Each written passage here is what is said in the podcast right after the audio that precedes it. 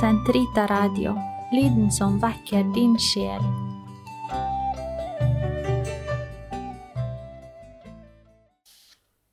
Den katolske kirkes katekisme, uke 12, søndag, paragraf 26, 44 til 26, 51.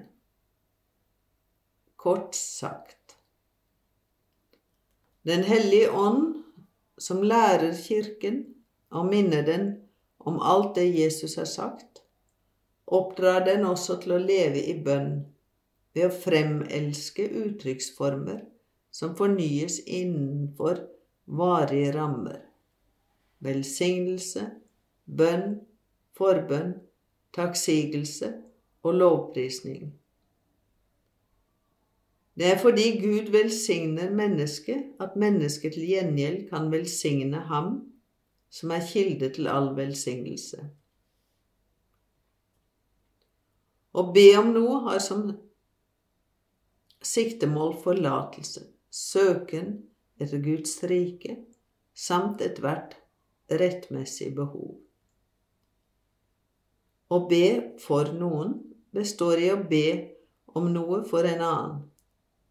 Forbønnen kjenner ingen grenser og innbefatter endog fiender.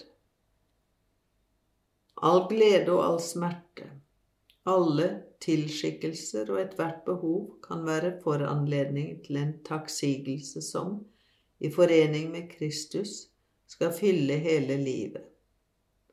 Takk Gud under alle forhold.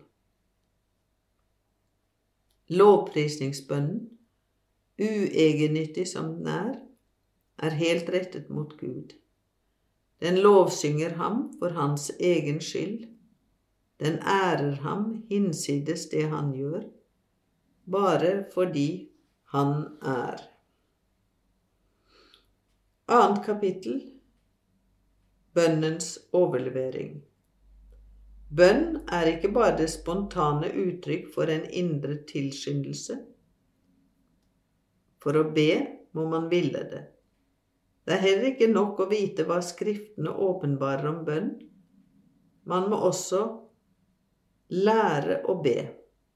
Det er da også ved en levende overlevering, den hellige tradisjon, at Den hellige ånd i den troende og bedende kirke lærer Guds barn å be.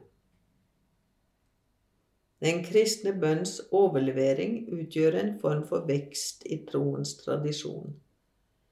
Særlig ved at de troende betrakter og utforsker frelsesøkonomiens begivenheter og ord som de bevarer i sitt hjerte, og ved den videre utdypelse av den åndelige virkelighet som de erfarer.